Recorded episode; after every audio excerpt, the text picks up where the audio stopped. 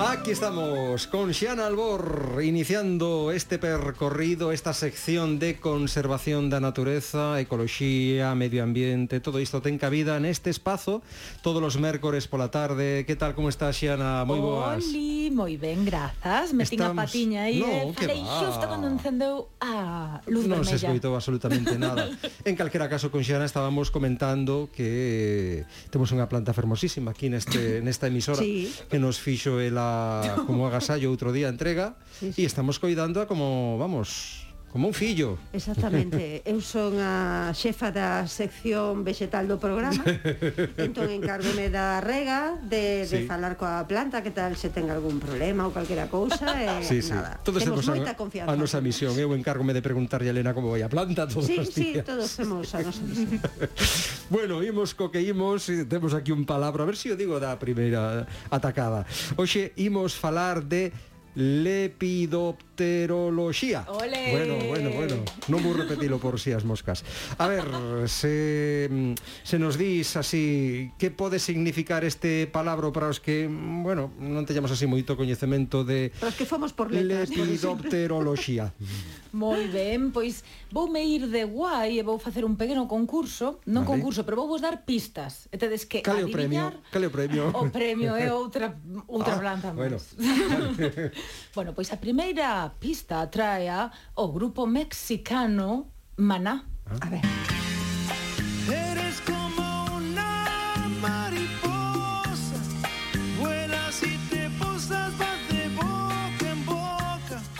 Ah, vale, vale. E a segunda pista atrae un deses grupos que estaba seguro en cassettes, que vos estaba escoitando, que antes sí. que vos non sabíades moito que da época dos cassettes, que son Lole e Manuel. Sí, Tedes ¿Eh? vos que acordar, vos a mellor non. Non, non, non moito. No. Bueno, uns flamenquense ni conmigo, niña, de feito, por el Romero. De feito, dicía Ay. Elena que lle soaba moito a música destes homes que tivemos ao principio, sevillanos. Sí, sí. Eros, Derby, etcétera.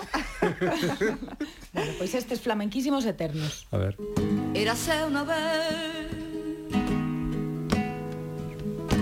una mariposa blanca. Vai estar bastante claro, é eh? que era unha terceira pista, pero...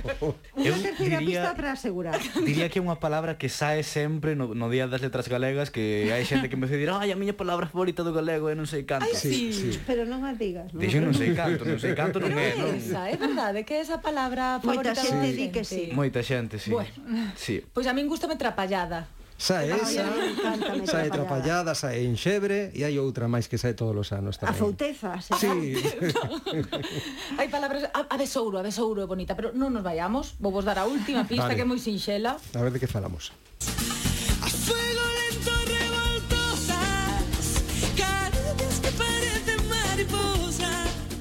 Está claro, mariposas, volvoretas. De isto fomos la falamos, non? Bolboretoloxía sería algo así, non? Sí. Bueno, non, non, non, no, exactamente, bueno, lepidoptera é a orde que inclúe a todas as volvoretas.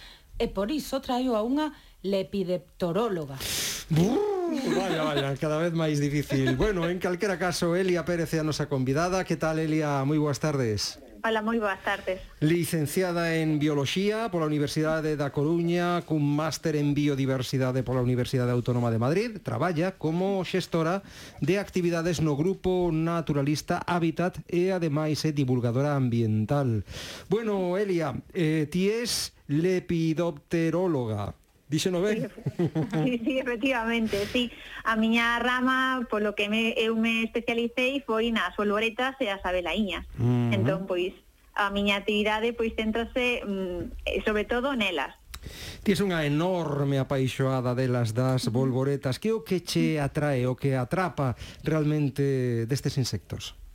Pois, mira, o, o principal, o que eu sempre digo é o misteriosas que son Mm. Eh, eu, pois, a primeira, pois así, o primeiro achegamento que tiven que, con elas foi eh, pois debullando nos, nos chíteros, nos, nos guisantes. Uh -huh. eh, pois sempre víamos os, estes vermios que se comen os guisantes, pois eu falei ca miña nai e dixen, mamá, que será isto, non?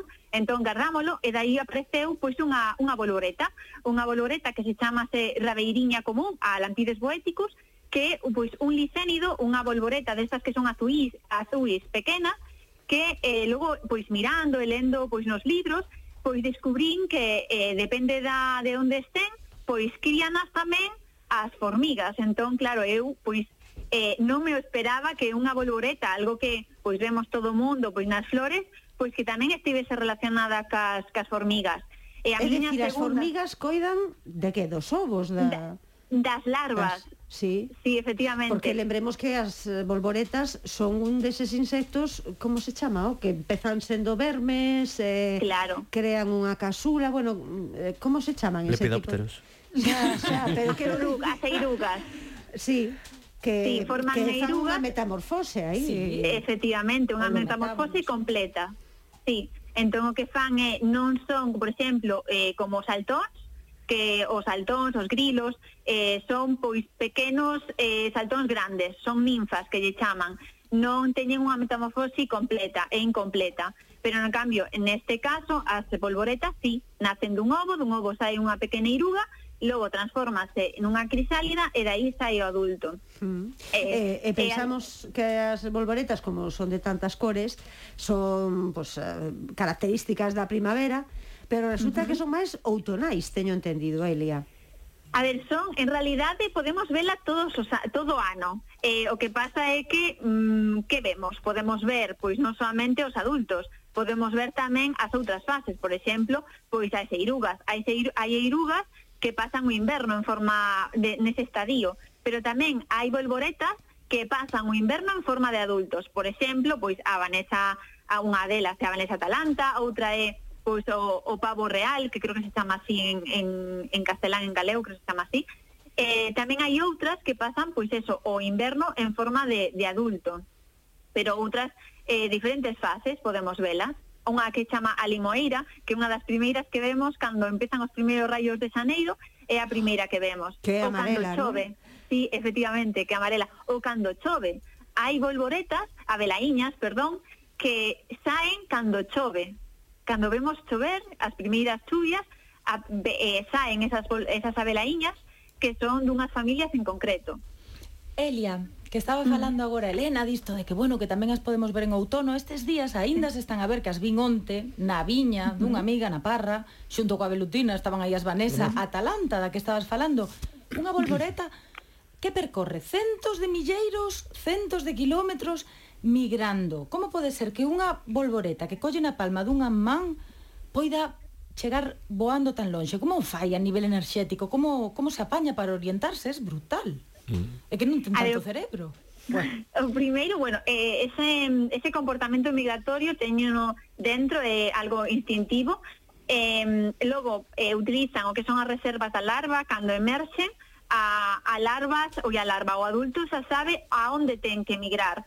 Eh, eso é algo impresionante. A mí sorpréndeme moitísimo porque cando emerxen en primavera saben que teñen que ir, que ir ao sur. E aquelas, eh, aqueles individuos que nacen a finais do verán no norte de Europa, norte e centro de Europa, saben que teñen que ir ao sur, que teñen que emigrar e voar o, hacia o sur, hacia zonas máis cálidas no inverno, por exemplo, a región mediterránea, ou incluso o norte de, de África. Tamén o que soen facer é alimentarse de produtos moi enerxéticos, por exemplo, o néctar, pero sobre todo algo que tamén fai outra Vanessa, que é a Vanessa Cardui, que nos visita todos os anos dende a África subsahariana, que é aproveitar os, as correntes de vento. Ascenden moi alto e chegan ata nós. -huh. Así, claro, non hai gasto enerxético, non? Que preguntabas ti claro, claro que está. como, como fan para conseguir que ir. ese traslado de tantos kilómetros sen consumirse. Uh -huh. Pois pues mira como Igual era. temos que ir aprendendo as técnicas. Sí, sí. Pois sí, pois sí. Imos volver agora a Sabelaíñas porque queríamos te preguntar cales son as actividades que facedes vos dentro do Grupo Naturalista Habitat para darlas a coñecer, Elia. A ver, as abeleñas son un das, dos, dos lepidópteros máis descoñecidos. A xente, claro, obviamente, só ve, solamente ve as, as bolboretas. Eh, non so que facemos é eh, poñer unhas trampas, que son as trampas de luz, eh, trampas tamén se chaman de sábana blanca, e o que poñemos é eh, unha luz eh, pois enfrontada pois unha sábana. Entón, o que pasa que eso eh, reflicte a luz, en realidad eh, é a longitud de ondas no ultravioleta, E eso pois atrae as abelaiñas. O que pasa é que as abelaiñas, cando vai voando, eh, hai, bueno, hai varias hipótesis, ah, eh, hipótesis sobre iso, como, como se orientan pola noite, pero unha delas é que siguen os rayos da lúa. Entón, esas longitudes de onda son que emiten estas luces que nos poñemos eh, son moi parecidas ás luces da lúa. Entón, sintesan atraídas por elas, pero non todas as abelaiñas se sinten atraídas pola luz, nin todos os, os sexos, perdón, das das especies. Hai, pois, en determinadas especies que só atraen, só atraemos os machos, só ven, solamente vemos machos, e noutras que solamente vemos femias. E hai moita variedade de bolboletas en Galicia? Pois a verdade é que eh, sí, por exemplo, en, en Bolboletas, bueno, temos eh, non tantas como en xeral en toda, en toda a península, pero temos eh, 100, eh, 155 de Bolboretas en Avelaíñas, que pensades, que hai máis ou menos? Máis. Menos. Moitísimas, non, non, moitísimas máis. Realmente as doloretas son moi pouquiñas en comparación á gran cantidad de abelaiñas. Ainda se están estudando, pero falamos de polo menos unhas 800 por aí debe haber de, de abelaiñas. Eh, ainda queda moito traballo, moitísima xente se está dedicando ao tema dos estudios das abelaiñas eh, no que é en Galicia. E que podemos facer para protexelas, eh, Elia? Como protexer todo isto tan curioso e tan maravilloso que nos estás contando hoxe? Pois, eh, sobre todo algo que non sempre intentamos divulgar nas nosas actividades que son os prados. Uh -huh. Os prados que agora co tema de pois do abandono do rural, pois están deixando moitos prados eh, pois multiflorais, esos prados que en primavera poñense de color rosa, cos berros dos prados. Eh, esos prados realmente son as zonas onde todos os nosos polinizadores se van a alimentar, non solamente as polvoretas e as súas, as súas eirugas, senón pois as nosas abellas están aí. Eh, se se refugian nun bosque, realmente van buscar parella, van a alimentarse neses prados, nos nosos prados que pouco a pouco pois vamos indo perdendo, desgraciadamente. E logo para as abelaiñas o tema das luces. As luces nocturnas atraen a moitas e impiden que se relacionen, porque as abelaiñas, algunhas non, que o fan de día, pero outras, as que fan de noite, pois o que estamos facendo que sigue dando voltas alrededor da nosa mm. luz e realmente pasan toda a noite eh, pois xirando e non pois non se alimentan, non buscan parella e non poñen os ovos. Caramba. Entón vemos que unha luz fai iso, temos que cambiala por outra que emita menos ultravioleta son animais fermosísimos, pero son moi delicados. Eh, se vemos, sobre todo, unha volvoreta así de cores que son tan fermosas eh, e podemos collela, temos esa tentación moitas veces, e claro, aí fastidiamoslle a vida, porque lle quitamos ese pó. En realidade, ten unhas as que están cheas de, de pó, de cores, non? Unha especie de pó, vamos, eu chamolle así e que, claro. que función ten ese pó? Por que, por que son así, Elia?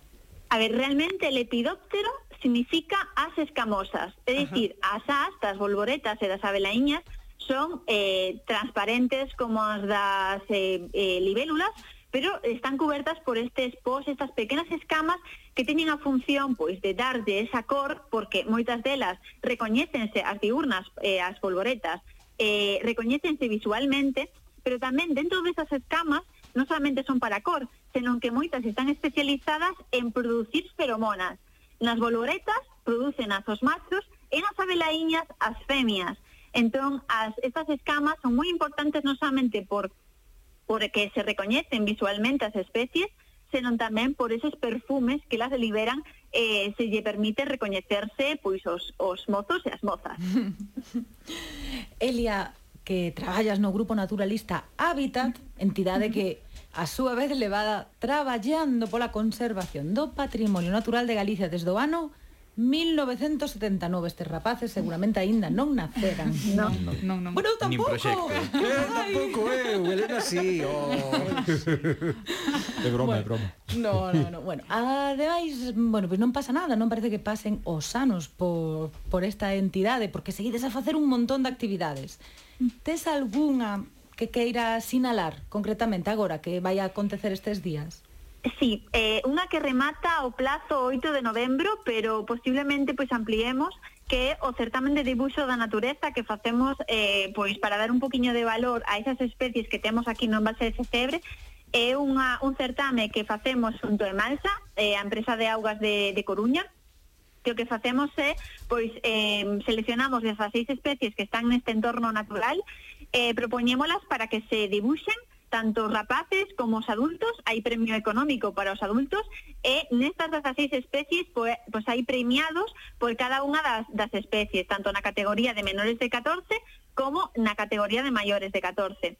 En este ano, pois, collemos especies da, eh, cunha temática que é a vida a rentes de chan, é dicir, mm. temos especies como, por exemplo, a salamandra, temos fungos, temos o, mm, o grilo toupa, o alacrán ceboleiro, eh, temos moitas que están pois relacionadas moi, moi pretiño do chan, e tamén poñer en valor o importante que é o noso, o noso sol, o noso chan, que tarda, cando hai algunha perturbación, tarda o mellor centos de anos en recuperarse, como pasa nos prados, por eso son tan importantes de conservalos. Que bonito todo o mundo relacionado coas bolboretas, Elia. Eu recordo tamén algo que se contaba cando éramos cativos, non? De que se, se pousaba unha bolboreta branca no vidro, eh, nunha ventá da casa, pois significaba boas novas. O mellor tamén escoitaches algo disto, ti. Sí, sí, sí, mm. cando pasa unha, unha escura é que vai pasar algo malo. Mm. Sí, sí. Bueno, un mundo fascinante do que teremos que falar noutra ocasión porque quedamos con ganas de máis. Mm. A verdade que Perfecto. son seres tan delicados pero tan fermosos ao mesmo tempo. Que facemos se nos entra un, un, unha mariposa, unha bolboreta na casa, un coche? Como desfacernos delas pero sen facerlle dano, como dicía Elena? Eu normalmente o que fago é coller pois un tupper, un, un frasco, un, eh, un bote, eh, collela con delicadeza. Igual que esto fago igual con todos os, mm. os insectos, os bichos que me entran na casa, igual que as arañas collo e eh, con delicadeza vou pasando do bote e deixo aí e logo a saco fora. E eh, o ideal é intentar pois non danala e si que dentro da casa normalmente morren, entón é mellor que estén fora da, da casa que, liba, que vivan libres. Elia Pérez, que gustazo, de verdade, eh, temos un agasallo para ti. Unha preguntita. Sí, sí, sí. E a lingua das bolboretas é realmente en forma, mm, como se di, de espiral, como, como dicían nese texto magnífico de Manolo Rivas que despois se converteu en película A lingua das bolboretas ou iso é unha fantasía de poeta? Eh, a verdad que non, non comprendí un pouco. A lingua, a lingua das bolboretas. Ten sí, bueno, a espiritrompa. A espiritrompa, é, é unha espiritrompa, sí. Sí, sí, enroscase, eh, eso depende da especie, porque claro, as, as abelaíñas, ou, perdón, as bolboretas sí que teñen, pero teñen a, hai abelaíñas que non se alimentan o típico que se di que as bolboretas que viven, abela, bueno, hai, as, que viven unha eh, abelaíña vive un día hai especies que sí e especies que non hai especies das, das abelaíñas que viven tres anos ah, A espiritrompa existe, señoras e señores. Sí, sí, efectivamente. Bueno, pues... Manolo Rivas non inventou. Sí.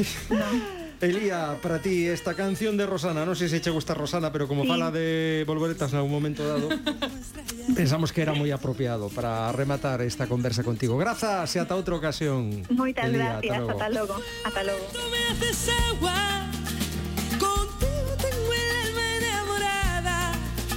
Bueno, Xera Albor, moitísimas grazas eh. Que curto se fai o tempo cando ves por aquí e cando falamos contigo A min pasoume esta media hora que ni me Pero enterei mellor, mellor as visitas mellor que sexan curtas, senón Antes de marchar, botalle unha ollada a plantiña Aí na redacción, xa verás que fermosa está Está enorme, está enorme eh. Bueno, pois bueno alá pasarei. Grazas, Hasta Xera, hasta loguilla. logo Chao. Me van dejando el sentimiento, amor forjado a fuego lento. A fuego lento mi mesura.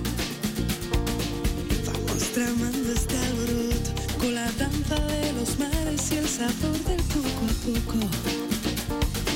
Sigo el camino del cortejo. el camino